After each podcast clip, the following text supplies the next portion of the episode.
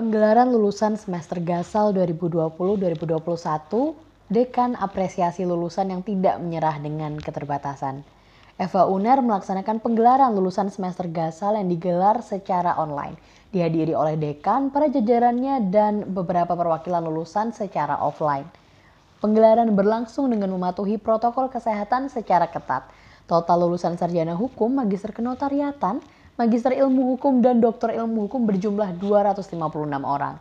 Mewakili para lulusan, Akbar Rizky Pratama SH dan Cesa Effendi SHMH menyampaikan sambutannya. Ia mengungkapkan bahwa hari kelulusan ini adalah bukti dari tanggung jawab dan perjuangan para lulusan dalam melewati lika-liku untuk mencapai mimpi untuk menjadi wisudawan yang berbahagia.